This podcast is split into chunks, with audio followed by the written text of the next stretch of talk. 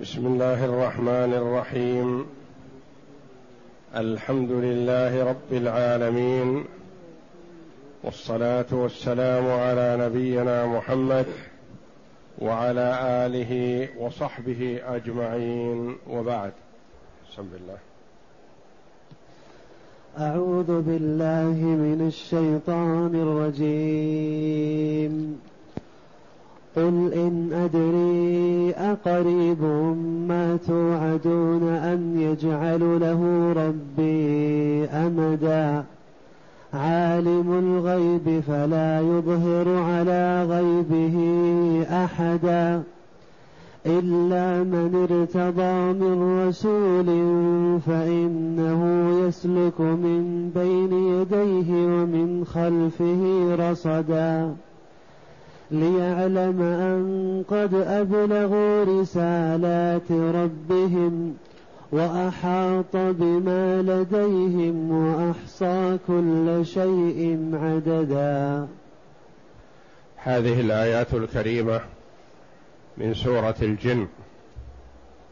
جاءت بعد قوله جل وعلا حتى إذا رأوا ما يوعدون فسيعلمون من أضعف ناصرا وأقل عددا.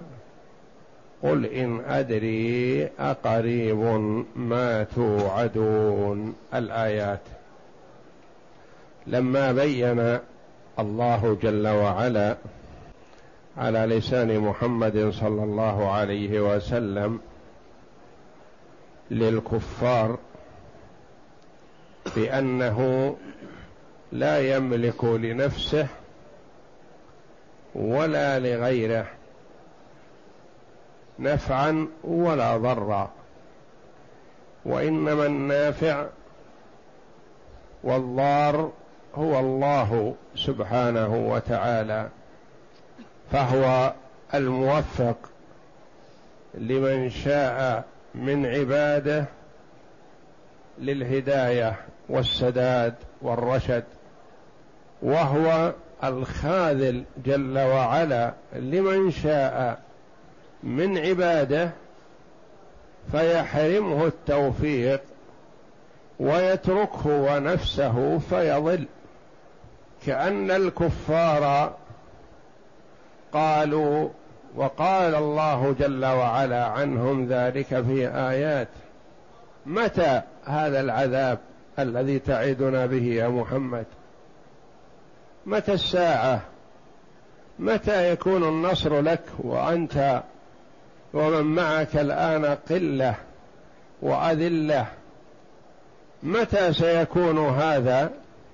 قال الله جل وعلا له قل إن أدري أقريب ما توعدون أم يجعل له ربي أمدا. قل أي قل يا محمد للناس أو للكفار إن أدري إن هذه تسمى النافية. إن أدري يعني ما أدري فهي نافية وليست المؤكدة ولا المخففة. إن أي ما أدري أقريب ما توعدون هل سيحصل العذاب الذي وعدكم الله جل وعلا به في الدنيا قريب أم أن الله جل وعلا سيؤخره؟ ولا أدري الساعة قريبة أو بعيدة لأن علم الغيب عند الله تبارك وتعالى. أقريب ما توعدون سيحصل بعد سنوات قليلة أو بعد سنوات كثيرة. الله هو الذي يعلم ذلك. أم يجعل له ربي أمدا يجعل له وقت وأمد بعيد. لأن الغالب في لفظ الأمد في الأمد البعيد. ما يقال سيكون له أمد مثلا غدا أو بعد غد لا. أم يجعل له ربي أمدا يؤخره. وقد يؤخر العذاب عنكم في الدنيا إلى يوم القيامة. وقد يعجل الله جل وعلا شيئا من العذاب القريب في الدنيا لينالوا الخزي. هم ومن على شاكلتهم. مع ما يدخره الله جل وعلا لهم من العذاب في الدار الآخرة. ففي هذه الآية النبي صلى الله عليه وسلم يتجرد من علم الغيب وأنه لا يعلم ماذا سيكون إلا ما أطلعه الله جل وعلا عليه. إن أدري ان إن أدري أقريب ما توعدون أم يجعل له ربي أمدا. عالم الغيب والشهادة فلا يظهر على غيبه أحدا. أم يجعل له ربي أمدا؟ عالم الغيب. قراءة الجمهور الرفع عالم. أي هو عالم الغيب.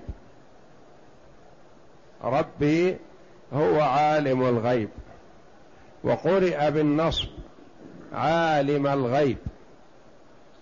يعني النصب على المدح يعني أعني أعني عالم الغيب. أم يجعل له ربي أمدا أعني عالم الغيب. وفي قراءة عالم بالفعل عالم الغيب. أم يجعل له ربي أمدا؟ ربي الذي علم الغيب. يعني الله وحده هو الذي علم الغيب. علم على فعل الماضي. عالم اسم فاعل. عالم فيها قراءتان الرفع على أنه خبر مبتدأ. تقديره هو عالم الغيب أو النصب على تقدير فعل أعني عالم الغيب أو علم بالفعل الماضي يعني علم الغيب ربي. أم يجعل له ربي أمدا؟ الذي علم الغيب.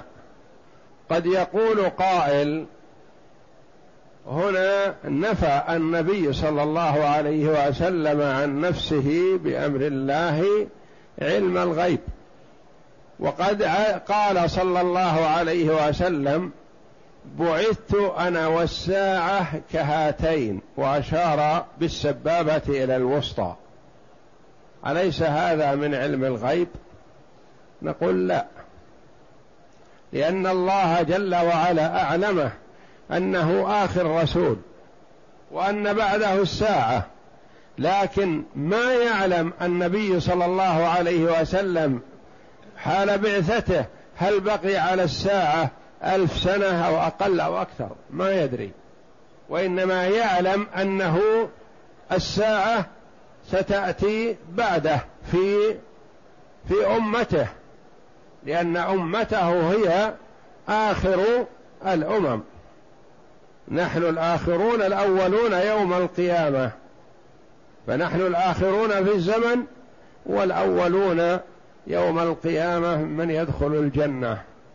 نرجو الله جل وعلا أن يدخلنا وإياكم جميعا الجنة بمنه ورحمته وفضله وإحسانه. يقول قوله صلى الله عليه وسلم بعثت أنا والساعة كهاتين ليس من باب علم الغيب وهو لا يدري عن الساعة متى ستكون وإنما يعلم أنها ستكون بعده وليس بعد أمته أمة من أخرى. عالم الغيب فلا يظهر على غيبه أحدا. لا يظهر على غيبه أحدا إلا من ارتضى من رسول. فعلم الغيب استأثر الله به. قل لا يعلم من في السماوات والأرض الغيب إلا الله.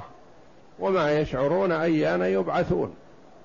والآيات كثيرة في الدلالة على أن علم الغيب عند الله جل وعلا. إن الله عنده علم الساعة وينزل الغيث ويعلم ما في الأرحام وما تدري نفس ماذا تكسب غدا وما تدري نفس بأي أرض تموت. وعنده مفاتح الغيب لا يعلمها إلا هو. ويعلم ما في البر والبحر وما تسقط من ورقة إلا يعلمها ولا حبة في ظلمات الأرض ولا رطب ولا يابس إلا في كتاب مبين. والآيات في حصر علم الغيب على الله جل وعلا كثيرة. فلا يظهر على غيبه أحدا إلا من ارتضى من رسول. من ارتضاه الله جل وعلا من رسول فإنه يطلعه على الغيب. والمراد بالرسول والله أعلم كما قال المفسرون الرسول من الملائكة والرسول من بني آدم. إذا اختار الله جل وعلا واصطفى رسولا فإنه يطلعه على ما شاء وليس يطلعه على كل شيء. يطلعه على ما شاء كما أطلع النبي صلى الله عليه وسلم على بعض الأمور. وليس إطلاعه على بعض الأمور يدل على أنه يعلم الغيب لا. وإنما أعلمه الله جل وعلا. وقد يكون الشيء غيب لا يعلمه أحد. فإذا أعلم الله جل وعلا به رسوله والرسول صلى الله عليه وسلم يعلم أمته صار ظاهر ليس بغيب. فلا يظهر على غيبه أحدا. اذا الكاهن والساحر والمنجم لا يعلم شيء من الغيب فهم كذبة وهم فجار في ادعائهم علم الغيب وإذا ادعى المرء علم الغيب ايا كان صفته غير من استثنى الله جل وعلا فهو كافر لأن ادعاء علم الغيب كفر. فإذا ادعاه لنفسه كفر وإذا ادعاه لغيره فكذلك كفر لأنه يكون مكذب بالقرآن. فالكاهن والمنجم والعراف ومن يدعي معرفة الأمور هذا هؤلاء كذبة.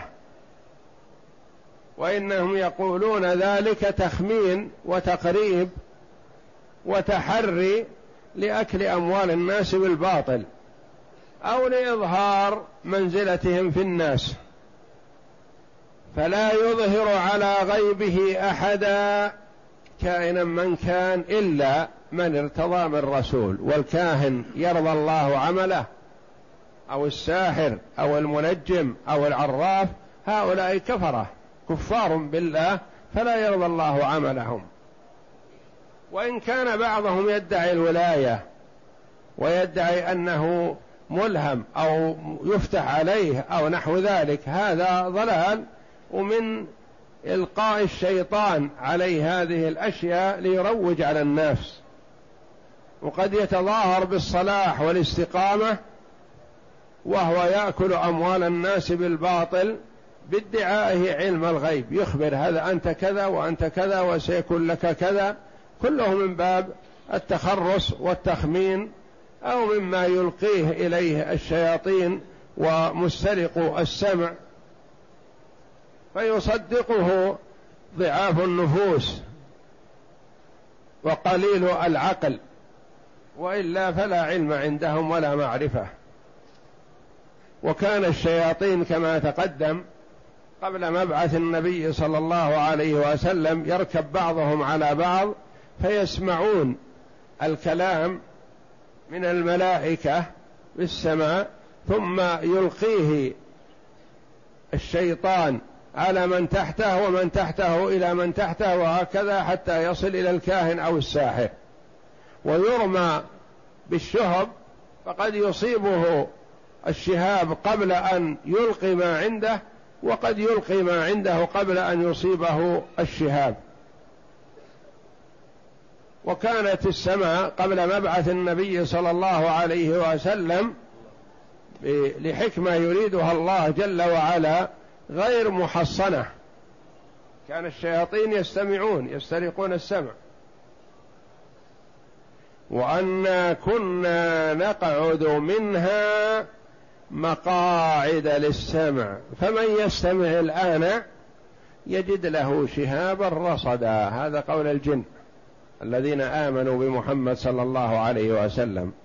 يقول كنا لنا مقاعد حول السماء يركب بعضهم على بعض حتى يصلوا إلى السماء لحكمة يريدها الله جل وعلا.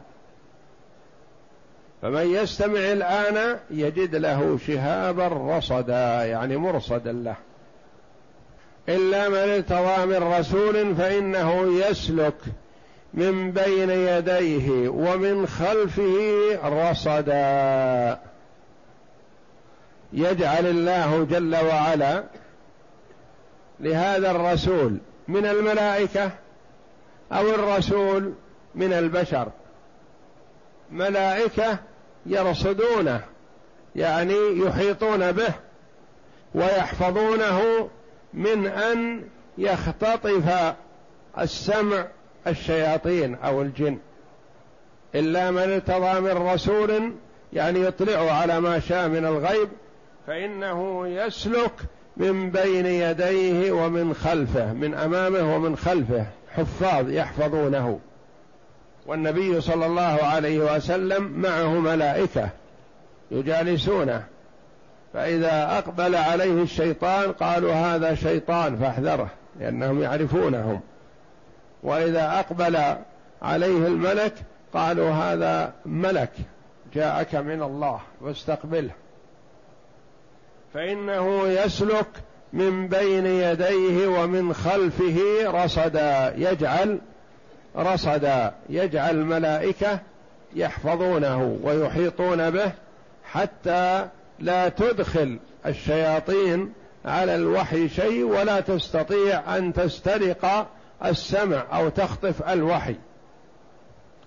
قال ابن عباس رضي الله عنهما في قوله رصدا قال هي معقبات من الملائكة يحفظون رسول الله من الشياطين حتى يبين الذي أرسل إليهم به. وذلك حين يقول أهل الشرك قد أبلغوا رسالات ربهم. وعنه رضي الله عنه قال ما أنزل الله على نبيه آية من القرآن إلا ومعها أربعة من الملائكة يحفظونها حتى يؤدوها إلى رسول الله صلى الله عليه وسلم ثم قرأ الآية. أي قوله تعالى فإنه يسلك من بين يديه ومن خلفه رصدا. ليعلم أن قد أبلغوا رسالات ربهم ليعلم الضمير في يعلم قيل عائد إلى النبي صلى الله عليه وسلم. ليعلم بهذا أن الملائكة أو الملك الذي جاءه بالوحي جاءه من الله. معه رسالة من الله. حتى لا يتخوف أن هذا من كلام الشيطان. ليعلم محمد صلى الله عليه وسلم أو الرسول الذي يرسله الله. وقيل يعود إلى المشركين.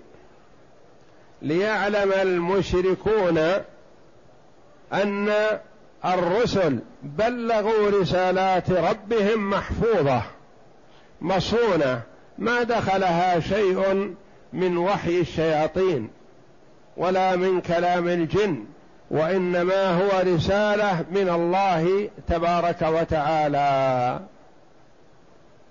وقيل ليعلم الله الفاعل الضمير يعود إلى الله جل وعلا ليعلم الله. والعلم هذا بالنسبة لله جل وعلا علم ظهور. وليس علم عن جهل تعالى الله. فالله جل وعلا يعلم الشيء قبل أن يكون وهو الذي قدره. ولكن هذا العلم علم ظهور يستحق عليه الثواب المرء أو العقاب لأن الله جل وعلا لا يعاقب العبد قبل أن يفعل السوء. ولا يثيب العبد على الخير قبل أن يفعله.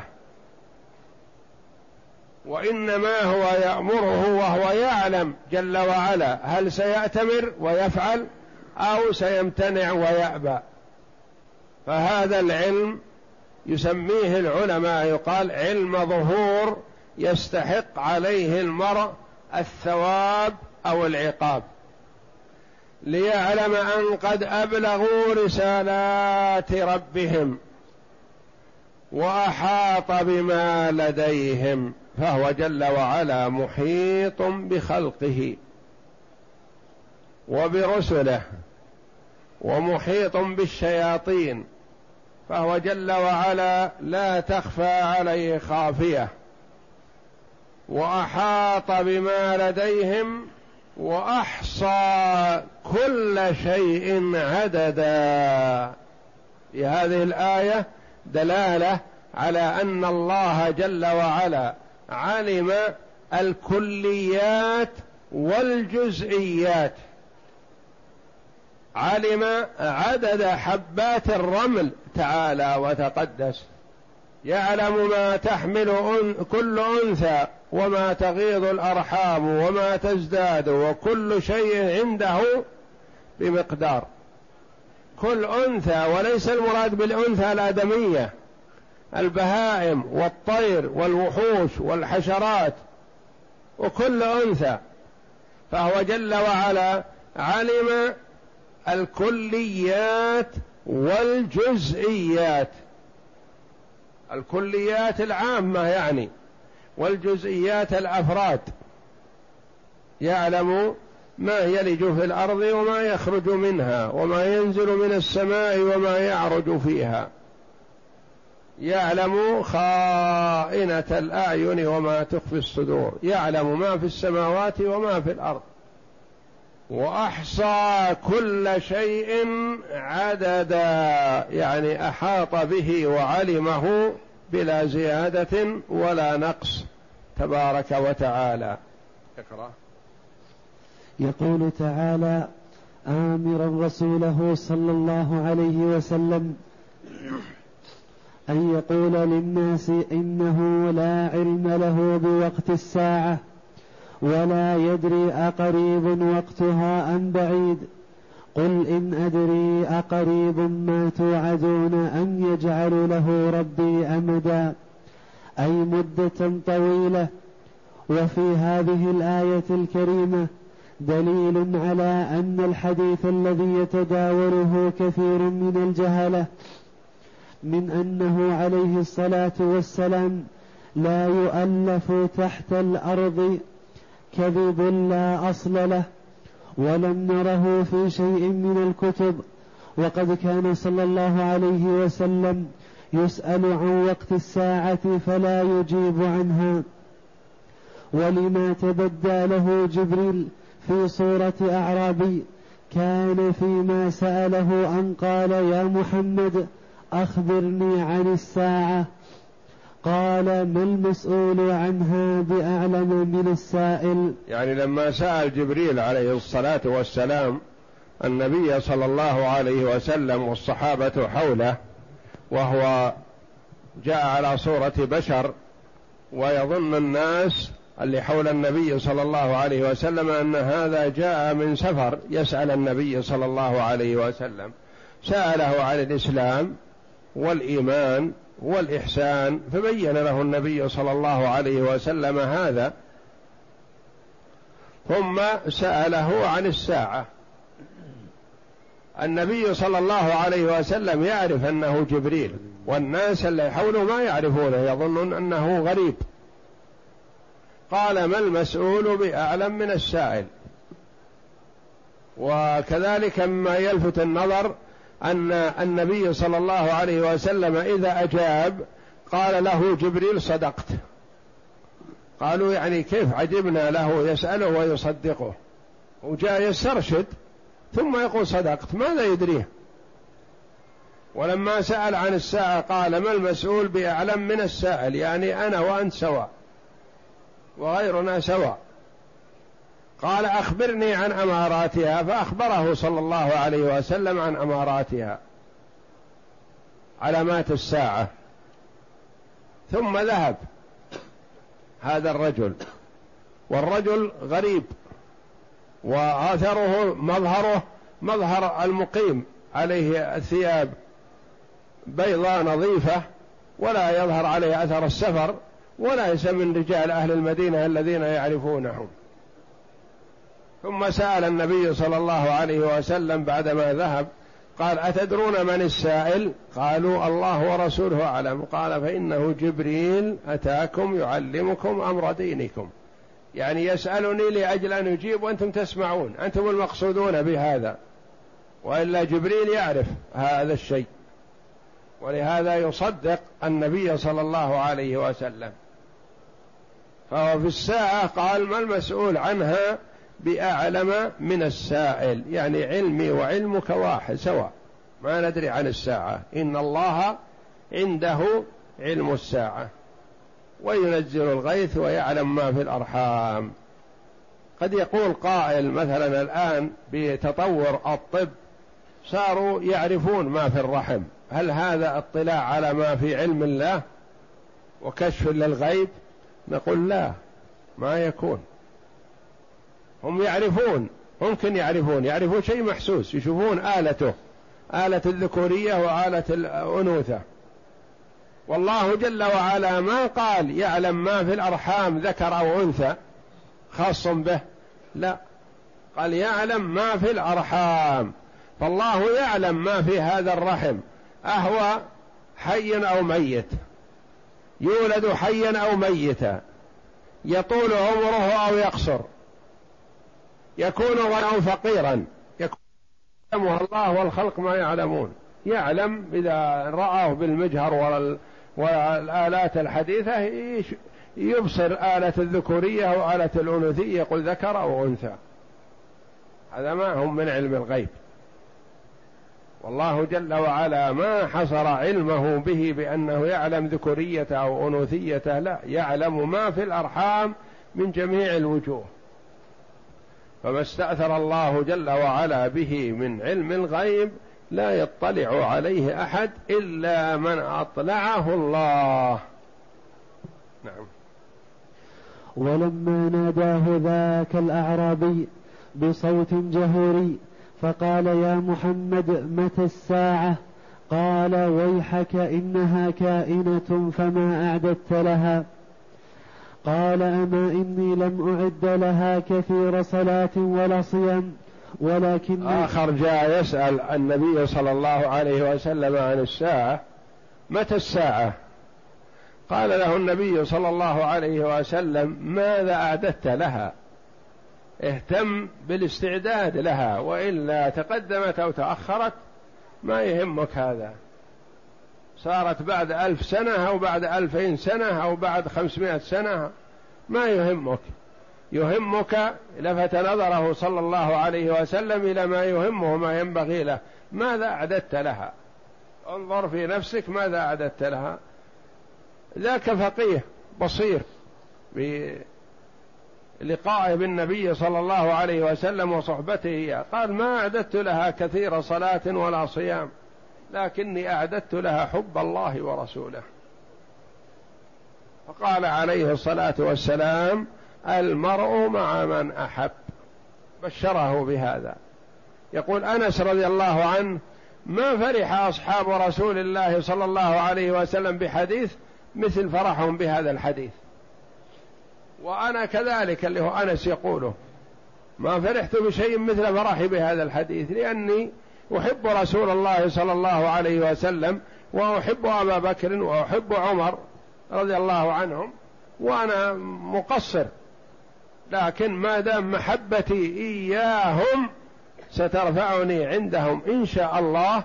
ففرح بهذا الحديث لأن فيه بشارة أن المرء مع من أحب فهو إذا أحب الصالحين كان معهم بإذن الله.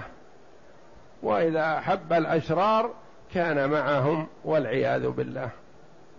ولهذا محبة الصالحين خيار الخلق الملائكة والرسل والأنبياء